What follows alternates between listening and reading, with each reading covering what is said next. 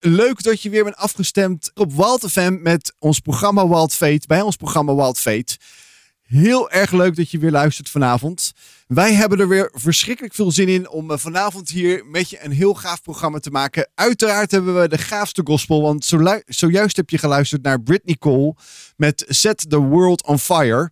Nou, volgens mij gaat onze uh, gast van vanavond, uh, die wil heel graag de wereld in vuur en vlam zetten. Vooral voor Jezus, want daar is hij heel gepassioneerd voor als predikant, onder andere van God Center, God Center sorry, in, in Gouda. Hij is daarnaast ook relatiebeheerder, maar bovenal is hij ook een, een man, een, een, een, zoon en hij is ook, denk ik, een broer of... ja, zie, ik zie hem hier ook knikken, want dat wist ik niet zeker of dat hij een broer, broer is, een grote broer of een kleine broer, maar dat gaan we hem zo eventjes vragen. Hartelijk welkom, André Venemaal hier bij Walt FM. Dankjewel, heel fijn dat ik hier aanwezig mag zijn. Ja, tof dat je er bent vanavond. Ja. En ehm, wij gaan heel erg uh, uitzien naar wat je vanavond met ons kon delen. En ik had het al een klein beetje in de, in, de, in de introductie gezegd. Ja, je woont eigenlijk midden in de Randstad, in de, de mooie kaarsenstad Gouda. Nou, daar, ook daar is Walt FM ook te luisteren. Dus wie weet luister je vanavond wel naar Walt FM in Gouda of in de omgeving van Gouda. Wil je graag ook wat delen hier vanavond waar je aan het luisteren bent? Laat het ons dan even weten via de, de studio WhatsApp via 0639392050. 0639392050. Um, ja, en dan uh, kunnen we ook gewoon uh, laten weten aan André dat hij gewoon uh, support heeft uit de Randstad. mensen die naar hem luisteren. Nou, zoals jullie van ons gewend zijn als vaste luisteraar, of misschien hoor je dit vanavond voor het eerst. Wij hebben altijd een klein rondje hier wat we na de opening doen. En dat is eigenlijk waar ben je dankbaar voor? Het is niet vanzelfsprekend dat we alles zomaar aannemen. Maar toch eh, is er altijd wel weer een straalpuntje, een mooi, een mooi puntje van de week of van vandaag misschien wel, waar je dankbaar voor bent.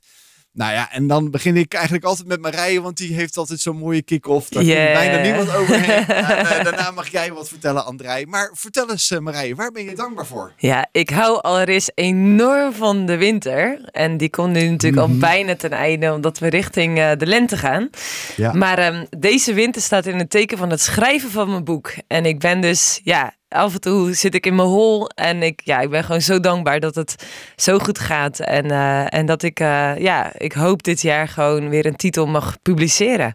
Dat maakt me heel dankbaar. Ja, ik weet dat je er al weken over praat. Ja. Uiteindelijk uh, ga je me misschien hier ook wel weer laten zien in de studio. Ik denk dat er mensen omheen zijn die, uh, die als ze boek lezen niks nieuws horen. Omdat ik er al zoveel over aan het vertellen ben. Over de boodschap. En datgene wat, ja, wat ik gewoon echt waanzinnig vind om op papier te zetten. En ik kijk erg uit naar dat moment. Maar voor nu gaat het gewoon echt heel lekker. En heb ik ondanks een aantal van die uh, schrijfbloks dat je het even allemaal niet meer weet. Uh, want het is niet alleen maar roze geur en maneschijn. Maar het toffe is dat het gewoon uh, goed vordert en dat ik gewoon heel erg enthousiast erover ben. Mooi, tof. Nou ja, en André, waar ben jij dankbaar voor? Zo, waar zou ik beginnen? Nou, ten eerste dankbaar dat ik hier als gast aanwezig mag zijn, sowieso. maar waar ik ook wel heel dankbaar voor ben, voor dat ik tot nu toe dan samen met mijn vrouw goede coronatijd doorgekomen ben. En dan vooral op het gebied van gezondheid, werk ook, ook zeker niet onbelangrijk. En uh, ja, je hoort toch veel om je heen dat helaas andere mensen ja, dat anders kunnen beleven ook. En ik ben daar gewoon heel dankbaar voor dat uh, het mij goed gaat, om het zo maar even te zeggen. Ja, ja mooi. Ja, heel goed. En ik ben natuurlijk benieuwd, Joost. Ja. Uh, wat is jouw dankbaarheidspunt van deze week of vandaag?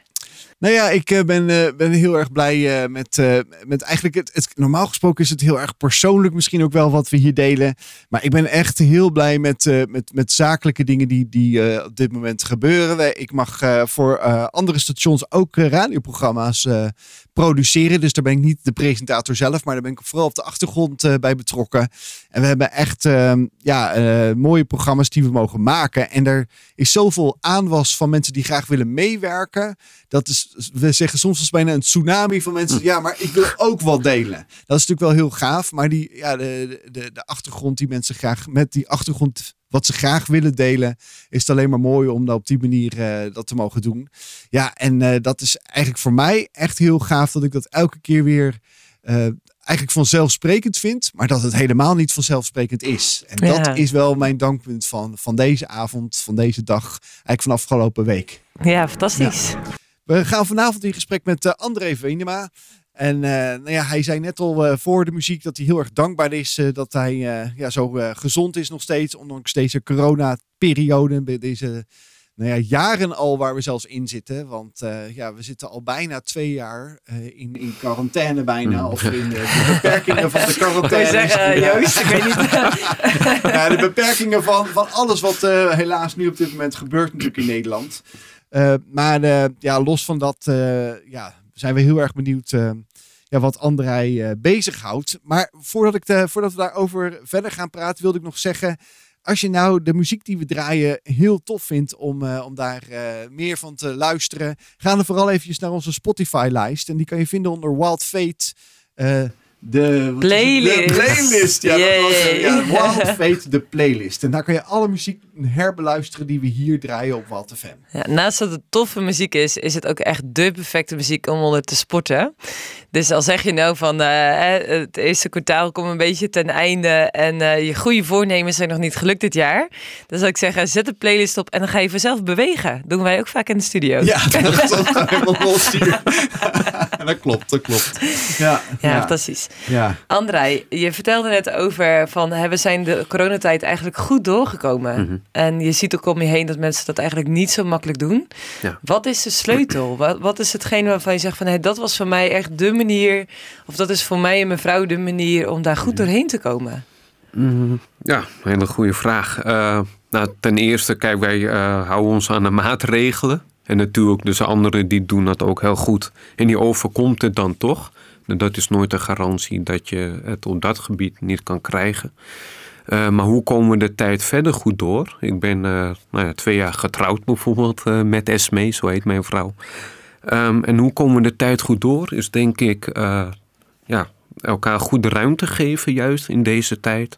Ook als je veel samen thuis bent.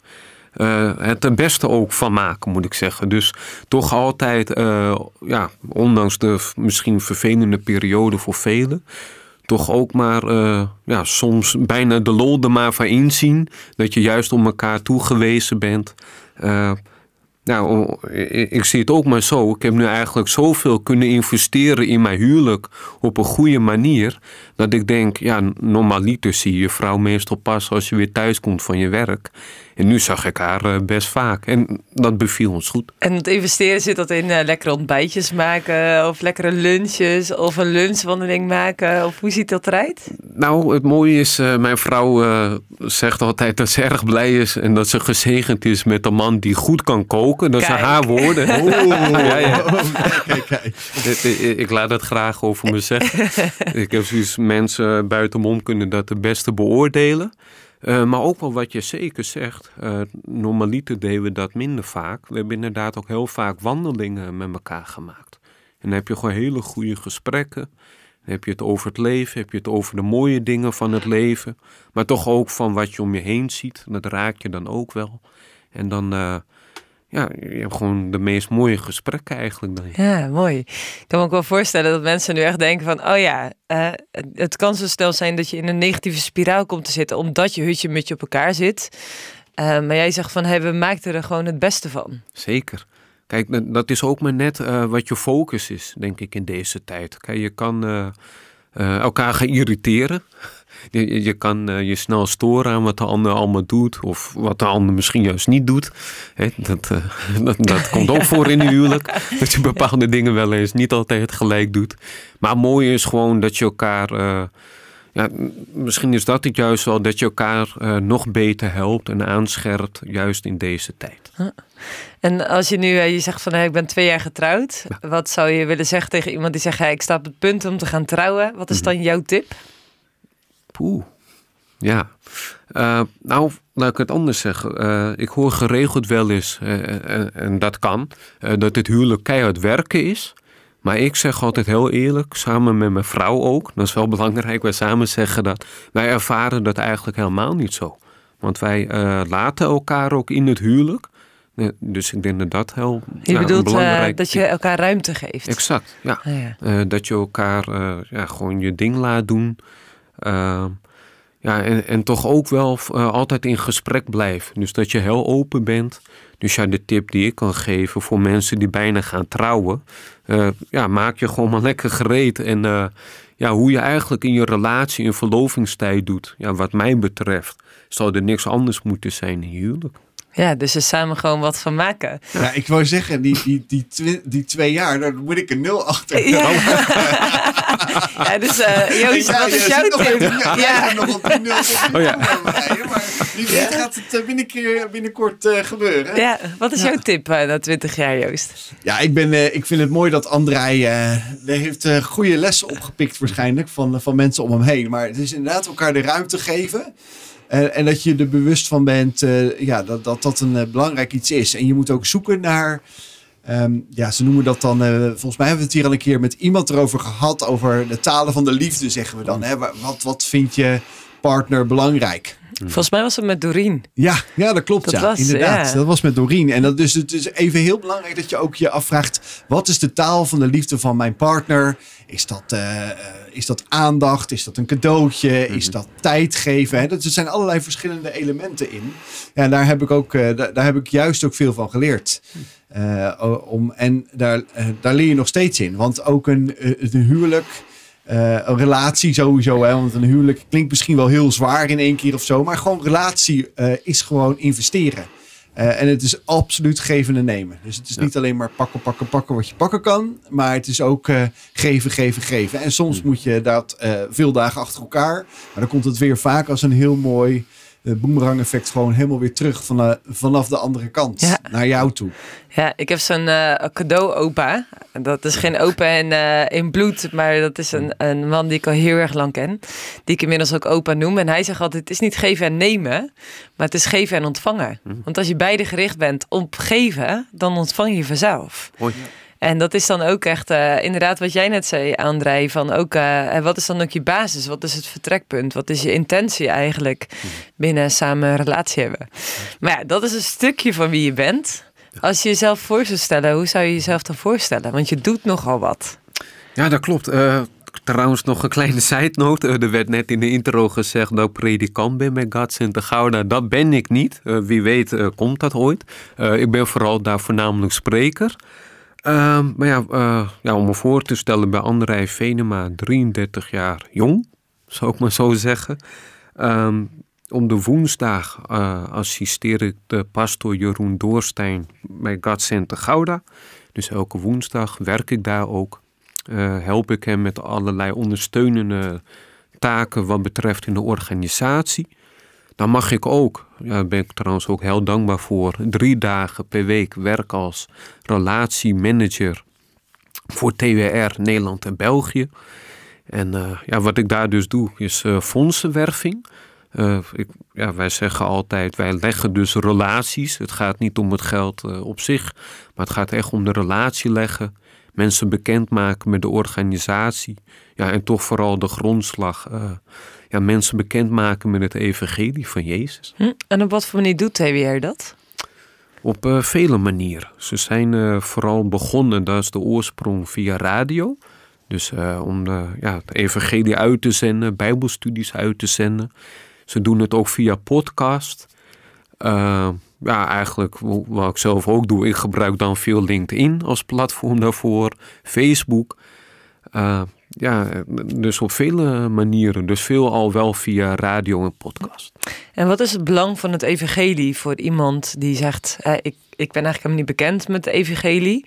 Hè, wij weten dat betekent een goede boodschap. Maar wat, wat is echt de essentie van het evangelie voor, voor iemand die zegt... Ik weet eigenlijk niet zo goed waar je het over hebt. Ja, nou, ik vind dit een hele mooie vraag. Ehm, ik, ik ken ook veel mensen die Jezus überhaupt niet kennen, het geloof niet kennen. Eh, waarschijnlijk zijn er nu ook luisteraars die er weinig mee hebben. Eh, eigenlijk begint het daar al bij. Als je Jezus helemaal niet kent, kan je er dus ook nog geen belang bij hebben of dat ook nog niet inzien. Ehm, ja, vaak zie je toch bij bepaalde mensen, als er een leegte ontstaat, eh, zeg maar van mensen die ik veel al ook bij ons in de kerk spreek, of juist nu in tijden van corona, als je zekerheden opeens wegvallen, je inkomen, misschien zelfs je partner die bij je weggaat, Dan pas komt meestal de vraag: wie is die Jezus? Of wat kan het evangelie voor mij doen? En we zullen het straks daar verder over hebben, over die hoop. Maar wat het voor mij persoonlijk in ieder geval betekent, het evangelie, is een zekere hoop. Dus niet de hoop van een verwachting, nou ik hoop maar dat straks bijvoorbeeld alles weer open mag. Uh, en hopelijk gebeurt dat dus gewoon. Mhm. Maar als ik het woord hoop gebruik, is dat voor mij een zekerheid. Dan weet ik zeker dat het weer goed komt in mijn leven. Dat ik eeuwig leven bijvoorbeeld mag ontvangen. Dat ik uh, met zekerheid mag weten dat ik een kind van God ben. Hm. Dus dat betekent eigenlijk dat je zegt, er is dus een verschil in hoop en hopen. Ja. Het ene hopen is, oh misschien zou dat wel gebeuren. En het andere is waarvan je zegt van, nou, dat is voor mij wat geloven betekent, is een hoop die zeker is. Dat is een zekerheid. Ja, zeker. Betekent dat dan ook dat je daar je leven dan op bouwt? Uh, ja, uh, kijk, ik zal niet te veel in bijbelse termen gaan praten voor de luisteraars. Uh, maar we kennen het allemaal. Een huis moet een sterk fundament bijvoorbeeld hebben. Als je dat niet hebt, stort je huis in elkaar. En om het maar heel simpel te houden, Jezus is voor mij zo'n fundament. Waardoor ik ook juist in deze tijd altijd uh, ja, rechtop mag staan. Zo, bijzonder. Uh, je hebt een heel, uh, heel indrukwekkend levensverhaal. Daar gaan we straks samen over in gesprek. Maar uh, ik kijk wel uit naar dat, die, dat fundament waarvan je zegt van hey, dat is Jezus voor mij. Mm. Juist ook als het leven kan wiebelen, uh, het allemaal niet zo zeker is en hoe je daar dan mee om kunt gaan. Als je nou denkt, ik haak net pas in bij jullie programma vanavond met André Venema hier bij Wild Fate. Morgen staat de podcast online van, uh, van deze aflevering. Dus dan kan je hem ook terugluisteren. Die kan je via de socials van, uh, van Wild FM en uh, de Wild Foundation kun je die terugluisteren. Dus ik zou dat zeker aanbevelen. Niet alleen deze, maar ook van de, van de vorige keren kun je gewoon terugluisteren naar wat we hier altijd delen met elkaar. En uiteindelijk vond ik het mooi dat uh, we het hadden over het evangelie. En dat is dat goede nieuws. Want uiteindelijk willen we gewoon goed hier, nieuws hier vertellen bij, bij Walt FM. Ook vanavond. En daarin uh, zal uh, André hopelijk ons ook meenemen over hoe, ja, hoe hij uiteindelijk het goede nieuws ook ervaren heeft. Nou ja, dat begint uiteindelijk wel bij wie ben je dan eigenlijk, heeft hij ook verteld. Maar dan ja, hoe ben je gekomen waar je nu bent gekomen, denk ik, Marije, toch? Ja, daar ben ik echt super benieuwd naar. Want je hebt niet zo'n. Nou, je hebt eigenlijk een heel indrukwekkend levensverhaal. Um, misschien denken mensen al, hè, ik ken helemaal niemand die André heet. André is natuurlijk een, Nederlandse naam die we veel kennen. Maar André, ja, dat riep me eigenlijk gelijk een stukje nieuwsgierigheid op van waar komt je naam vandaan? En uh, ja, wat is het verhaal achter jouw naam? Dat is wel heel leuk dat je dit zegt. Uh, want ik, ik, krijg dat vaak ten eerste al te horen. Uh, vanwege mijn naamcombinatie. Kijk, uh, ik heet André, Roemeense voornaam. Maar wel met een puur Hollandse boerenachternaam Venema. Dus daar hebben mensen al vaak zoiets van... Hey, van waar kom je vandaan? En wat betekent die naam? Ja, André betekent moedig en ook sterk. Dus een maar mannelijk sterk. Dat is altijd een mooie naam als je die mag krijgen. Maar...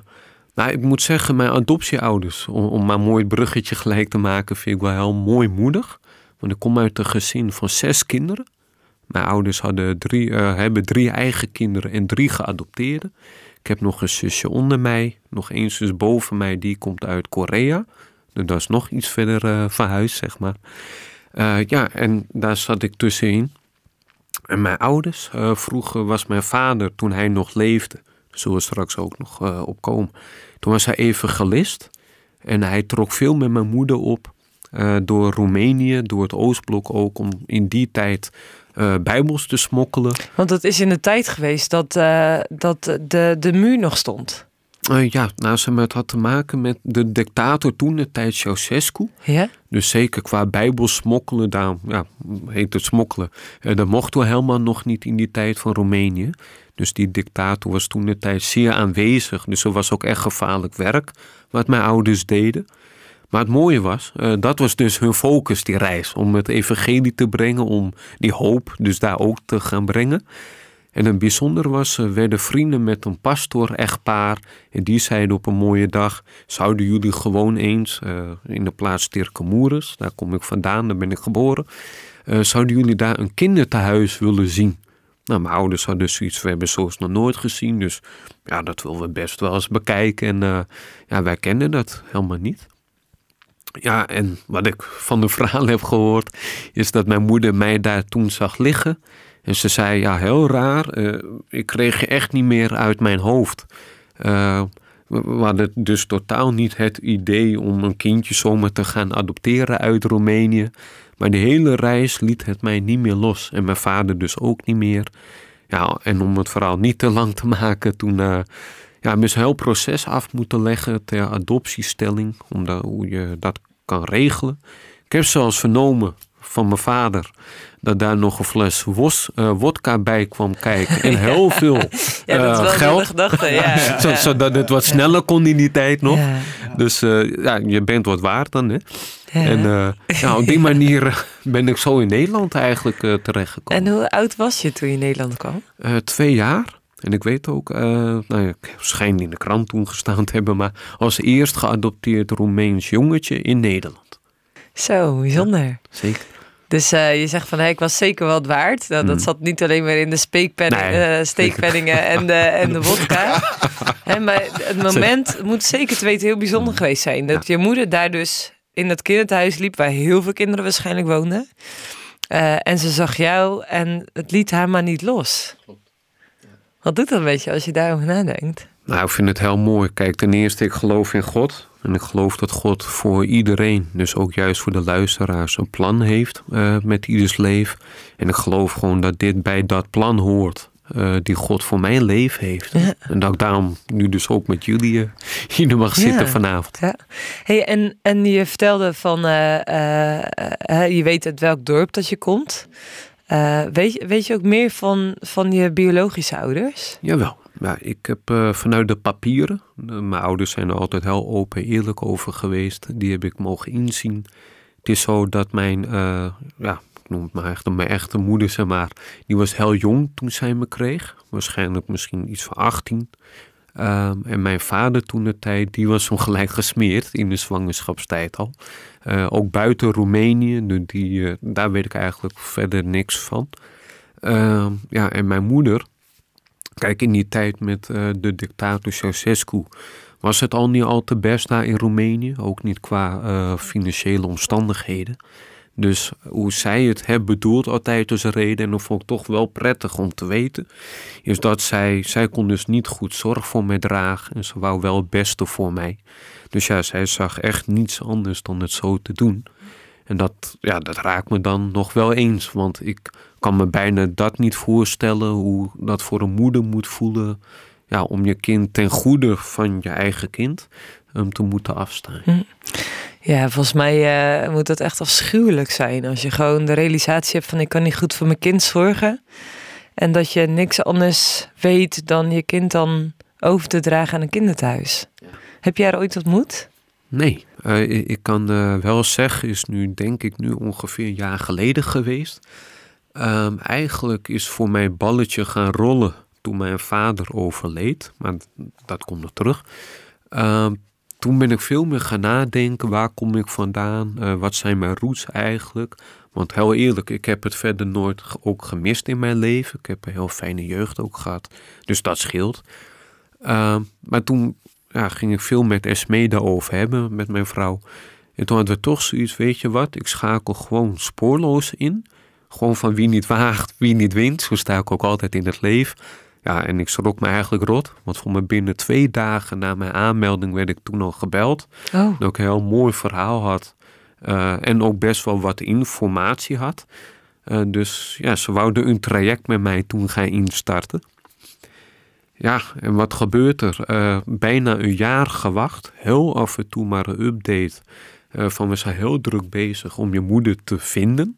Nou, toen had ik na een jaar wel zoiets, nou ja, jammer, hè, dat wordt hem niet. Ja, toen dat ik na een jaar plots werd gebeld, we hebben je moeder gevonden. Nou, dan schrik je. Ja. Uh, ik, ik, had het niet verwacht. Alleen helaas schrok ik toen nog een keer. Uh, want wegens de AVG-wet was het alleen wat ze mochten delen. Dat mijn moeder me niet ja, kon of wou zien. Dat kon niet goed uitgelegd worden. Uh, en punt. Oh, zo. Ja. Oh, dat is een impact zeg. Ja. Nogal, ja. Want Ja. eh, ik had het veel met eh Esmee over van we hoopten zo op het verhaal op zijn Ja. minst. Ja. Eh, ik zal heel eerlijk zijn, ik had het mooi gevonden als ik haar mocht zien. Maar als dat om, onder bepaalde omstandigheden niet kon, had ik dat oprecht ook zelfs begrepen.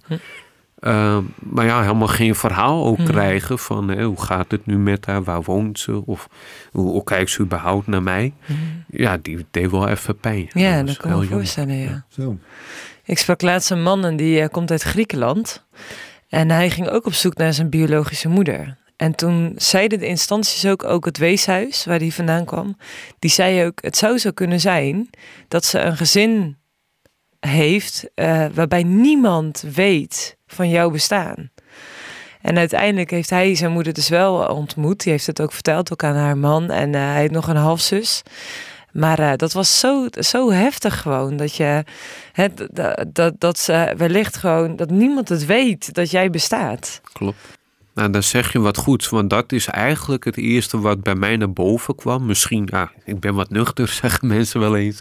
Maar heel oprecht kwam precies deze reden naar boven. Dat ik juist haar oprecht wou begrijpen. En dat ik dacht, wie weet is dit ook juist haar situatie wel. Dat ze gewoon weer nieuw huwelijk is aangegaan. En ja, dat niemand weet van mijn bestaan. Voelde het als afwijzing? Eh, soms, soms, ja. Ja, en dat lijkt me echt wel eh, heftig ook. Als je biologische moeder dus dan geen contact met je wil. Mm. Ja, eh, al moet ik ook wel weer zeggen, eh, ja, het is voor mij ook gissen waarom niet. Ja, dus ik weet niet eh, in de diepe zin of ze het echt niet zou willen of dat ze het misschien niet kan. ja. En misschien draagt ze daarmee wel een nog groter offer weer. Dat is een moedige benadering. Je draagt je naam eer aan. Van ook, ook verder durven te kijken dan alleen maar dat moment van gevoel van afwijzing. Hey, en je vertelde dat je in een heel mooi gezin opgegroeid bent. Dat je een hele fijne jeugd hebt gehad. Kun je iets vertellen over hoe het voor jou was om in, eh, in je cadeaugezin eigenlijk op te groeien? Nou, je zegt het al, eh, cadeau gezien, dat was het zeker. Eh, vooral vanwege de zeer verschillende karakters die we allemaal hadden. Eh, nou, ik heb altijd dus leuk veel broers en zussen om me heen gehad. En eh, nou, die warmte die je daarmee hebt, dat, dat vind ik zo mooi aan een groot gezin hebben. Dat, eh, het is nooit saai thuis. Je, je bent nooit alleen. Eh, je hebt altijd eh, mensen om je heen. Je kan lekker lachen met elkaar. Eh, ook een beetje stoeien of vechten. Dat- Dat hoort er ook bij natuurlijk. Hè? Bij, bij broer- en zusrelatie. Dus dat gebeurde ook. Herkenbaar, herkenbaar. Ja, ja, jij zegt herkenbaar Joost. Kan, kan je daar wat dat van delen? Vooral dat stoeien. Oké, oké. nou ja, ik kom me nog goed herinneren. Ik heb een broer boven me. Ah ja. Ah, die, kwam- die had altijd het eh, wel goed voor elkaar. In de zin van eh, altijd leuke baantjes en zo. Ah. Ja, en dan had hij altijd eventjes zijn karate-trap, zou ik maar zeggen. Maar ja, af, en toe, af en toe was ik al venijnig. En dan was, dan lag ik bovenop en dan werd er altijd wel zo gezegd... eh, zeg genade, zeg Oh ja. dan, eh, tik af. Mijn moeder zei altijd: stop, stop, straks is het bloed. Straks Oh is ja, het ja. bloed. Nou, ik heb Oh. dan drie broers, maar die Oh ja. stoeiden altijd met elkaar en mijn vader. Maar ze niet met mij. Ze, niet bij- Ah. En ze waren altijd een beetje bang voor mijn lange nagels, denk ik. En met mijn zusjes heb ik ook nooit echt eh Oh, nee. de weg hoor. Ja, maar dat is ook wel kostbaar, hè? Als je Mm. zegt van, je, eh, je had juist ook heel veel verbindingen, ook dus met je broertjes en zusjes. Zeker. Ja, bijzonder om te horen zo. eh. ja. Hey, en is dat ook wat je, iets wat je zegt van, hè, dat zou ik ook heel graag willen brengen in deze wereld? Eh, nou ja, zeker in deze tijd, eh, in ieder geval wat ik altijd probeer uit te stralen, waar geen hoop meer lijkt te zijn, ja, dan probeer ik ook met mijn leven, dus het gewoon laten zien en niet alleen in woorden, ja, dat jij juist een hoop dan voor die mensen mag zijn die het zelf even niet meer zien zitten. Ja, dat is denk ik wel een interessant eh, onderwerp om eh, zo ve- verder na de officiële plichtplegingen, zeg ik dan altijd maar eventjes eh, te doen van het de reclames en journaal.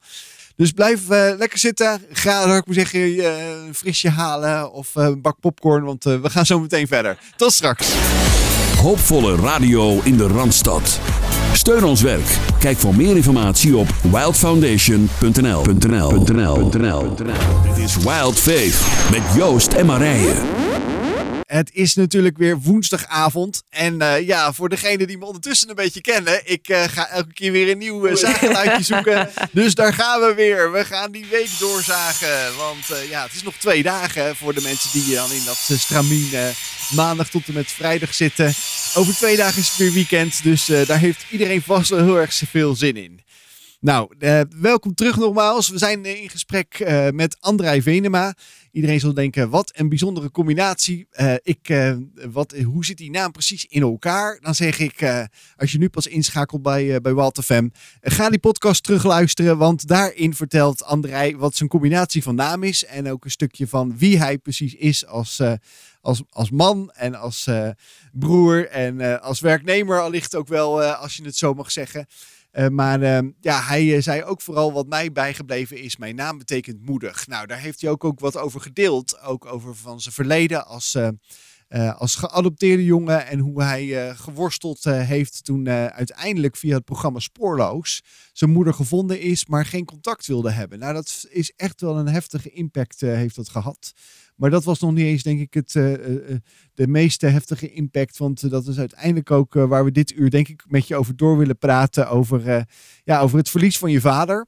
Maar voordat we daarmee verder gaan, gaan we uiteraard met een van onze vaste items verder. De geloofsvraag. De geloofsvraag. Vraag. Ja, de geloofsvraag. Nou, André, ik heb hem voor je klaargezet. En de geloofsvraag is: God wil het fundament van je leven zijn. Wat, uh, wat vind je daarvan? Ja, heel mooi. Uh, ja, dus dat is wie God voor mij is. Zoals ik uh, in het begin van de uitzending al zei. Ik wou bewust geen bijbelse termen gooien. Vandaar mijn beeld van het huis. Zodat mensen in ieder geval beeldend het beter kunnen begrijpen. Als je geen sterk, sterk fundament hebt, stort je huis in. Ik denk, ja, wat ook toch wel snel in me opkomt. Dat ook een mentale aspect daar zeker ook niet bij vergeten mag worden. Uh, in deze tijd staat dat veel al onder druk. En ik denk ook daarbij komt mooi dan de geloofsvraag bij mij terug. Dat Jezus ook daarin voor mij een mooie plek heeft, ook in het mentale aspect. Tuurlijk heb ik uh, stormen gekend in mijn leven, daar zullen we het straks over hebben. Ik heb het ook niet altijd prettig gehad in deze twee jaar van corona. Uh, je bent veel op jezelf aangewezen, ook dat je je collega's helaas lang niet altijd zo vaak kan zien. Um, ja, blijf dan maar eens mentaal sterk. Uh, je bent uh, alleen, maar in mijn geval toch ook weer niet altijd. Want ik uh, heb Jezus in mijn leven. En dat is eigenlijk wat voor mij als het ware het fundament ook is. Ik weet echt zeker dat Jezus in mijn leven is. En waardoor weet ik dat zo zeker? Want je ziet hem niet. Hè? is het dan een gevoel? Is het dan een idee in je hoofd? Hoor je wel eens van mensen terug. Nee, voor mij is het ook een uh, zeker weten in de ervaringen in mijn leven. Uh, om daar een voorbeeld bij te geven. Als ik het mentaal wel eens zwaar had, omdat ik wel eens dacht, nou heer, nu mag voor mij de boel ook wel weer eens open. En we hoorden gelukkig al meer en meer dat soort verhalen nu. Maar dan overviel me als het ware, zo probeer ik het altijd maar te schetsen, alsof een soort wel eens een wat zwaarder kleed over me heen kwam. Uh, ik ben altijd heel happy, de peppy, zeg ik altijd maar. Ik sta vrolijk in het leven. Maar ook mij kan het net zo goed overkomen. Dat ik echt wel in zo'n dag ga dat ik het even niet meer zag zitten en niet in de zwaarste vorm. Ja, ik denk voor iedereen herkenbaar. Dat je soms die van die dagen hebt waarvan je echt denkt van... oh man, gewoon hoe kom ik deze dag door? Of hoe kom ik uit mijn bed vandaag? Of hoe kan ik weer de knop omzetten om weer met volle moed... met goede moed deze dag in te gaan? En hoe doe je dat dan? Uh, nou, wat ik dan doe, uh, ik probeer dan, uh, nou ja, proberen in ieder geval, ik bid dan tot mijn God. kijk, wat mooi is, veel mensen hebben daar een beeld bij dat het puur altijd met gevouwen handen moet en met je ogen dicht. In principe kan dat ook zeker zo. maar wat ik nu vaak doe, ja, ik kan best wel wat afstanden af te leggen in mijn werk voor TWR in de auto. En wat doe ik dan? Ik doe dan voor de zekerheid dan niet uh, mijn handen gevouwen en mijn ogen dicht. Maar, dan, maar, dan, gaat het niet helemaal goed. Nee, nee, nog niet. Nee, nee, daar wacht nog ik op. Nog niet, nee. Okay. nee, nog niet. Nee, maar wat ik dan doe, en dat heb ik wel veel meer juist geleerd in deze tijden, is dat je gewoon met God mag praten. Ik hoor ook steeds meer om me heen, ook mensen die eerst helemaal niet in God geloofden, die hem letterlijk aanroepen. En dat is wat voor mij gebed is.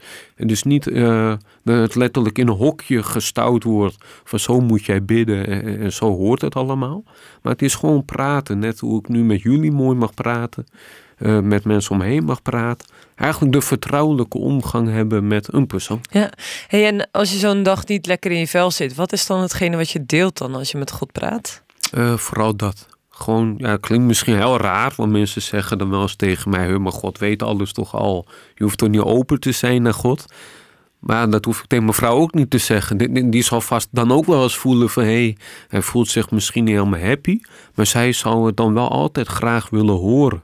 Dat is die relatie, dat je met elkaar praat. Ook al weten ander heus misschien wel hoe het met je gaat. Ja.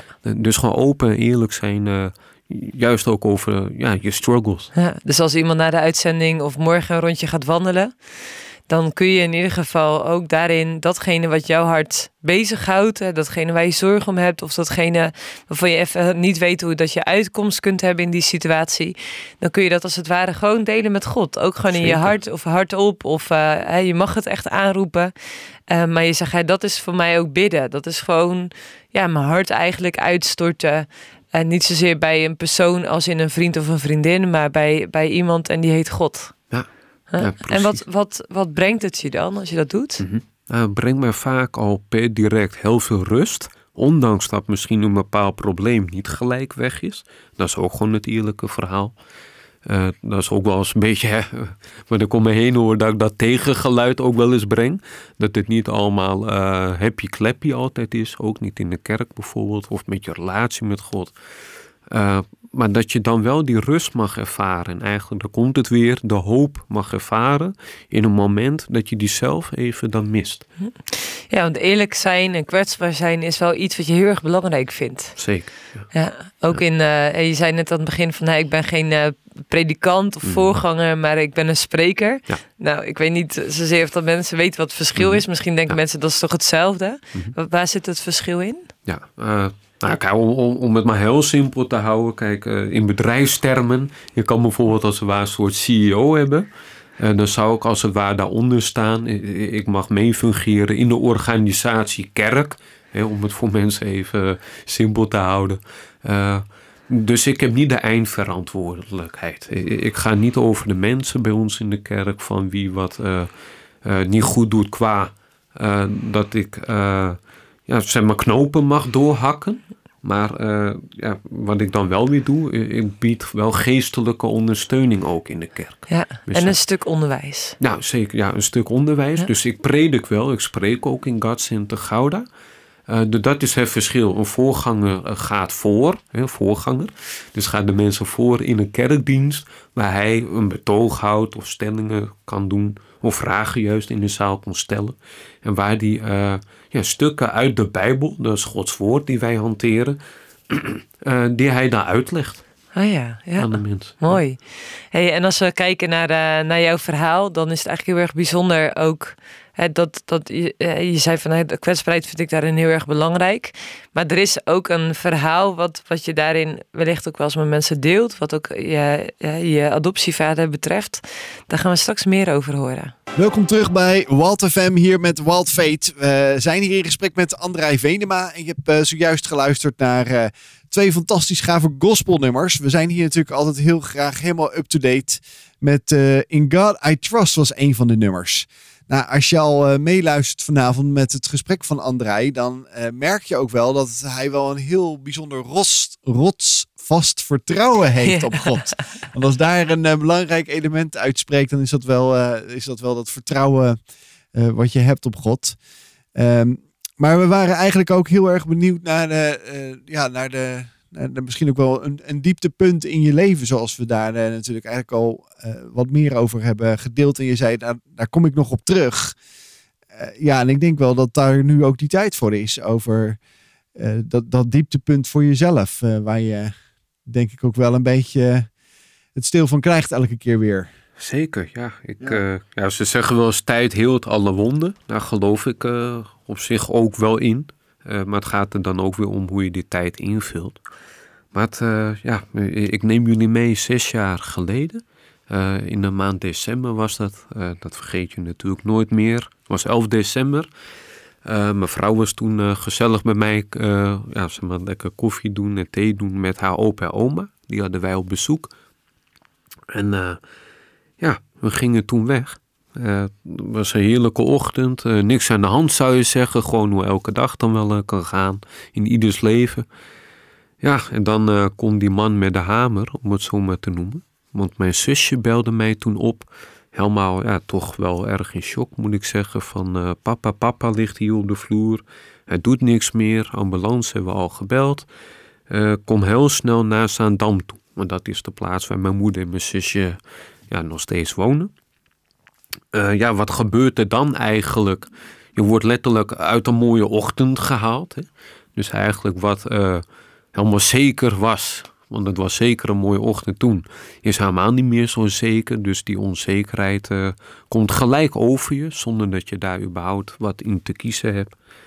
En ik weet nog heel goed, gelukkig uh, was Esmee bij me dus. En die zei gelijk als eerst, ik ga rijden. Nou ja, prijs God daarvoor. ik denk dat ik anders misschien wel eens hoge boetes had kunnen krijgen. Want ik ken mezelf, ik hou al een beetje wel van snel rijden. Uh, maar ja, als, als je zo'n naar bericht hoort, dan het enige wat je denkt is, ik wil naar, uh, naar huis. Ik wil naar mijn ouders toe. Ja, ja eigenlijk, je, je, kan eigenlijk niet eens meer helder nadenken op zo'n moment. Ik moet eerlijk zijn, ik wist ook niet eens goed wat me overkwam. Ook niet waar het naartoe zou gaan. Uh, want dat, tot dat punt kom ik nu. Uh, terwijl we onderweg waren in de auto, dus moet je je voorstellen, werd ik op de hoogte gehouden door mijn zusje via WhatsApp hoe het met mijn vader ging. Dus dat hij gereanimeerd werd. Nou ja, dat de ambulancebroeders echt wel met hem bezig waren. En ik weet nog goed, ik denk ter hoogte van nou ja, dat we bijna bij Zaandam waren. Ik denk iets van tien minuten voordat ik uh, bij mijn ouderlijk huis aankwam. Ja, dan krijg je een onvoorstelbaar appje. Zo ging het daadwerkelijk, een appje van uh, ja, pa leeft niet meer, het is klaar. Ja, eh, eh, en wat je dan denkt is eigenlijk ja, niks. Je denkt dan helemaal niks meer even. Het moment van paniek, als je gewoon mm. hoort van hé, hey, uh, het gaat niet goed, we hebben een ambulance gebeld. Mm. Tot aan zeg maar dat appje van pa leeft niet meer. Ja. Hoe lang zat er tussen? Poeh, even kijken. Ik denk iets van na nou, 20 minuutjes. Hoe zou je die tijd omschrijven? Mm, als tijdloos. Klinkt altijd heel mysterieus, hè, tijdloos. Maar ik werd letterlijk uit de tijd getrokken. Met, uh, iedereen zei het ook op die dag.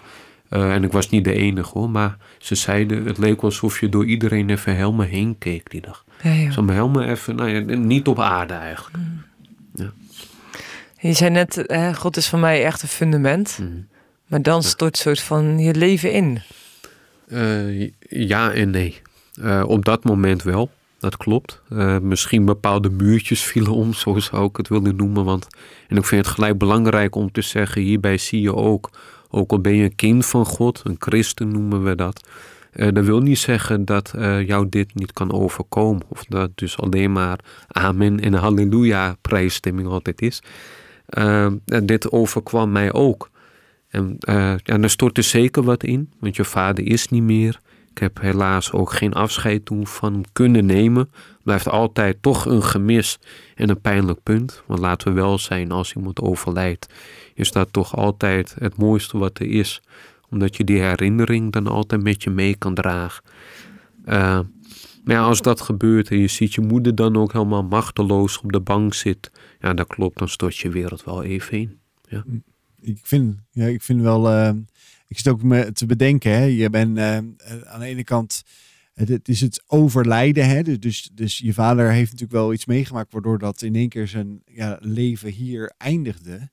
Maar ehm, ja, ik, ik, ik, ik zie dat ook bij mezelf terug, bij mijn eigen moeder, want ik heb dus ook geen afscheid echt meer kunnen nemen. Ze heeft een, een herseninfarct gekregen.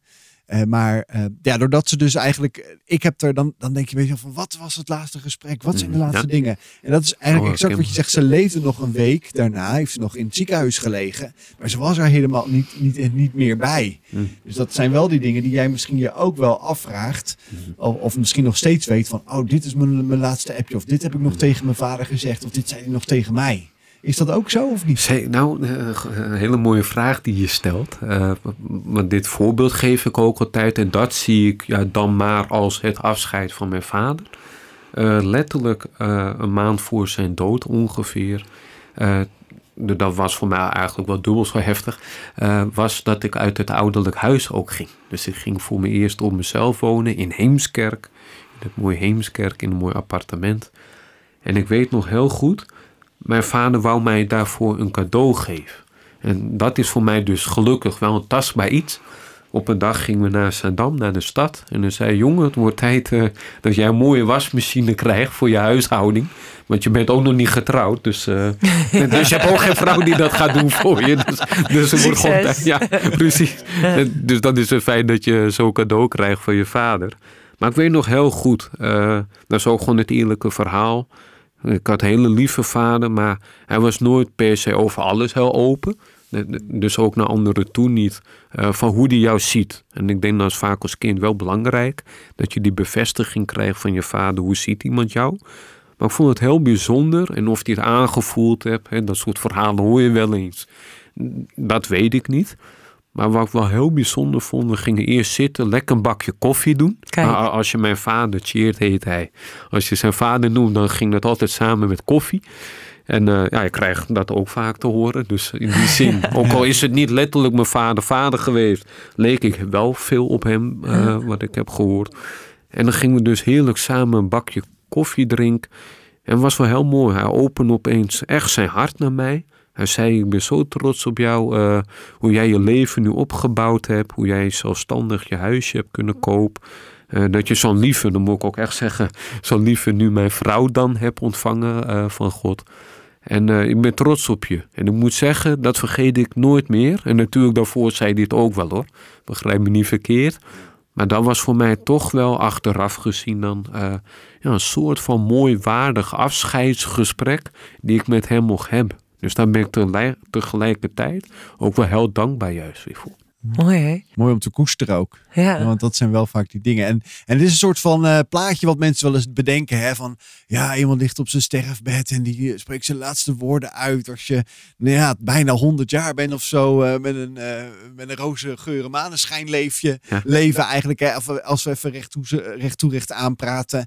Maar dat, dat is dus niet. Dat is dus bijna nooit. Nee. Heel eerlijk gezegd. Nou, dat heeft COVID natuurlijk ook wel laten zien. Dat het leven zo kwetsbaar is. Dat je kunt denken, eh, ik ben sterk genoeg, COVID raakt mij niet. Maar dat ook jonge mensen overleden zijn aan COVID. Ja. Of die eh, long-covid hebben en nu gewoon echt te dealen hebben met gewoon het falen van hun lijf. Hey, en je, je zei net van, eh, mensen zeggen wel eens tijd heelt alle wonden. Eh die zeggen, hè, enerzijds zie ik dat wel, wellicht wel zo, maar het is ook wel de vraag, wat doe je in die tijd? Wat bedoel je daarmee? Eh, nou, wat ik daarmee bedoel, en misschien weer een mooi bruggetje, is eh, hoe, eh, wat je wel eens hoort, goed bedoeld, van hoe moet je rouwen of hoe kan je rouwen.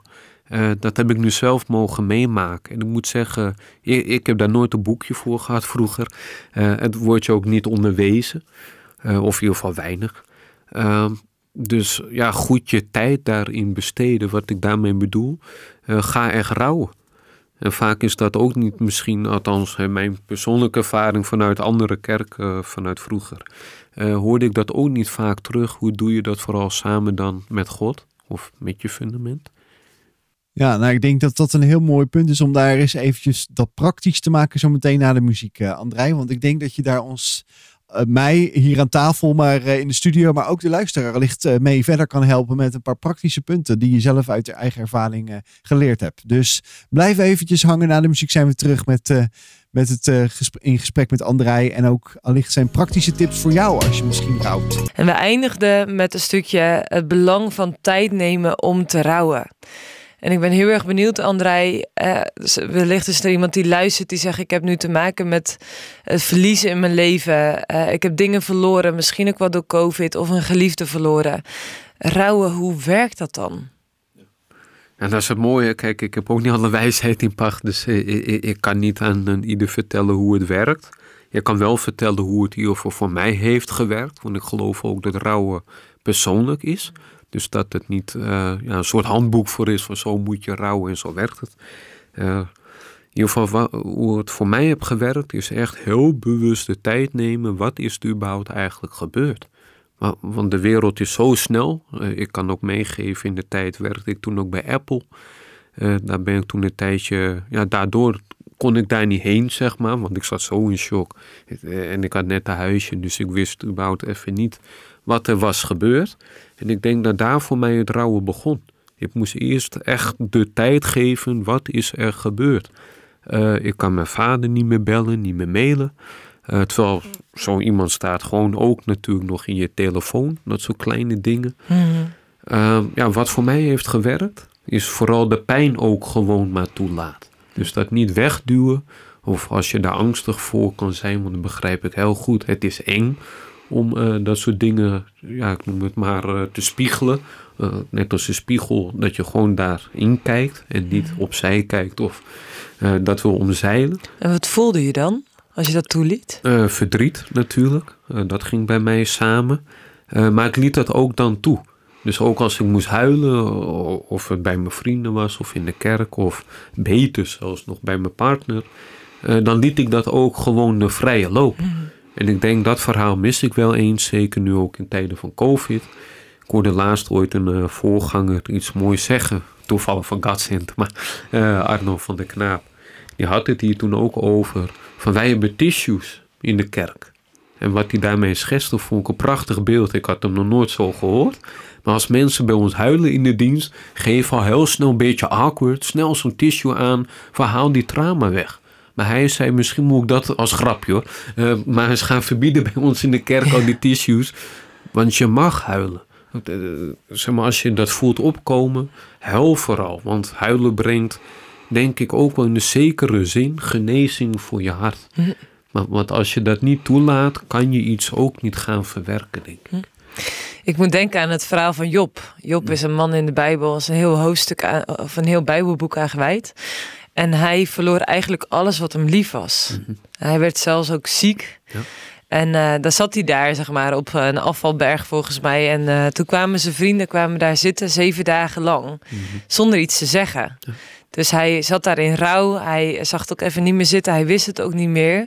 En hoe kostbaar is het als je mensen hebt die dat oké vinden, dat het er is, zeg maar. Dat, Zeker. dat, dat, dat je het even niet meer weet, dat het je verdriet doet, dat het pijn doet. Eh, en dat er ook ruimte voor is. Was dat ook? Hè, je zei van, nee, ik liet dat, ik stond dat toe. Konden mensen dat verdragen? Konden die daar bij blijven als jij moest huilen? Of kwamen ze dan heel snel met die tissues om het dan maar weg te vegen? Eh, eh, eh, wisselend. Ik vind dit trouwens een hele mooie vraag. En ook al beeld hoe jij hem schetste. Dat je vrienden om je heen mag hebben die bijvoorbeeld gewoon stil met je zijn. Of met je kunnen huilen. En eh, daar gaan we weer. Hier is ook geen handboek voor. Van hoe kan je een ander hiermee goed eh, helpen of ondersteunen. Want eerlijk, het is ook moeilijk.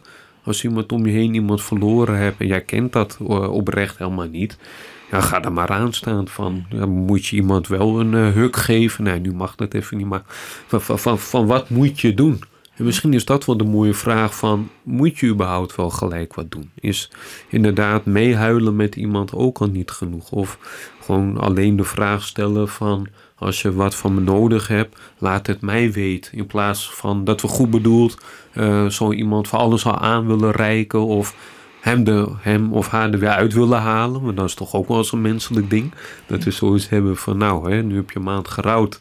Nu is er weer tijd eh, ja, dat je weer vrolijk in het leven mag staan of zo. Eh, Maar het gemis blijft altijd. Alleen Zeker. het komt weer op andere momenten terug. Ja. Gewoon dat je jezelf realiseert. Want je vader was dus ook niet bij je bruiloft. Nee. Dus eh, dat is natuurlijk scherp. ook zo'n eh, zo'n plek Ja. waar je gewoon bewust bent van die lege plek waar je graag had gewild wat, dat hij ook had gezeten. Nou, ik moet zeggen, dat maakte, eh, en ik moet echt zeggen, de, de bruiloft was echt geweldig. Maar dat had wel een eh, diepgaandere dimensie eigenlijk in ons huwelijk. Eh, mijn moeder heeft trouwens toen ook de Bijbel aan ons gegeven. En dat was een heel bijzonder moment. Waar ze ook een, eh, ja, meerdere teksten vanuit mijn vader als het ware voordrag.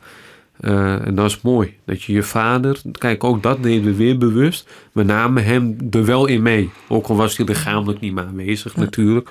Maar wij wouden ja, daar niet voor weglopen eigenlijk ook weer. Ik las laatst iets mooi van hè, iemand is wel zeg maar overleden, maar de relatie is, is er nog steeds. Zeg maar, hij is nog steeds je vader. Dus ook al is hij lijfelijk niet meer aanwezig, de relatie met hem heeft nog steeds hele grote waarde. Zal het ook altijd blijven houden. Vond ik heel mooi om, uh, om te lezen. Hoe deelde je met God met dat verlies van je vader? Want ik kan me ook voorstellen dat je echt denkt, ja heer, even serieus. Uh, wat gebeurt er nu in mijn leven? Uh, of waar bent u in dit grote verlies? Hoe, hoe deelde je met God daarin? Dat is eigenlijk precies de dingen die je al benoemde. Die vragen had ik naar God.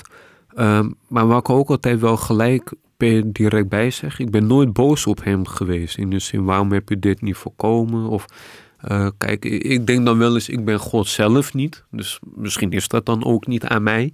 En misschien is het ook maar goed dat we dat soort dingen ook niet hoeven uit te dokteren. Misschien is dat ook wel een beetje in de tijd waarin we leven. Net als corona. Uh, nou ja, gooi de socials maar op. Uh, we willen alles kunnen uitleggen of alles kunnen begrijpen.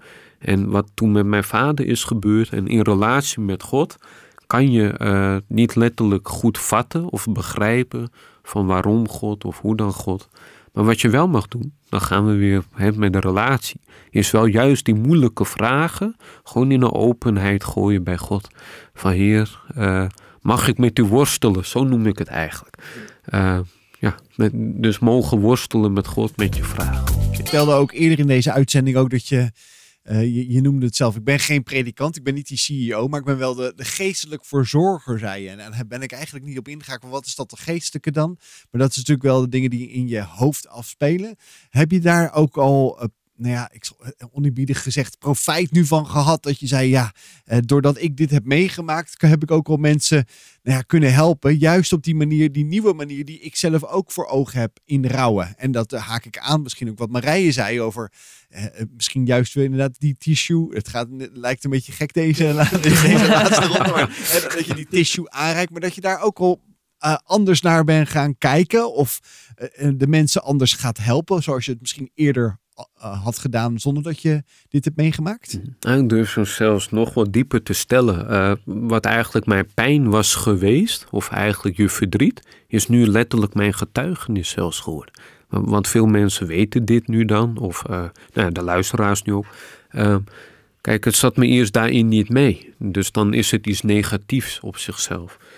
Maar nu, zeker wat je ook goed zegt, in gesprekken of als ik juist mensen nu om me afkrijg die precies dit hebben doorstaan, of bij jongeren die hun ouder uh, hebben verloren. Een goede vriend van mij, waarvan ik de naam bewust dan nu even niet zal noemen, uh, heeft dit meegemaakt. Uh, die heeft zijn moeder verloren en zijn vader op een ander soort manier. Die leeft nog, dus dat is misschien ja, wel nog pijnlijker dan. Maar dat soort mensen komen juist dan wel naar je toe met die vragen voor hoe mag ik met eh, God worstelen, mag dat wel? Of, of zegt de Bijbel daar wat over, hè? van uh, hoe ik dat moet doen? Uh, maar zeker, ik heb in die zin, ja, en dan vind ik dat zelf een mooie Bijbeltekst eigenlijk, God keert ten, uiteindelijk alles ten goede.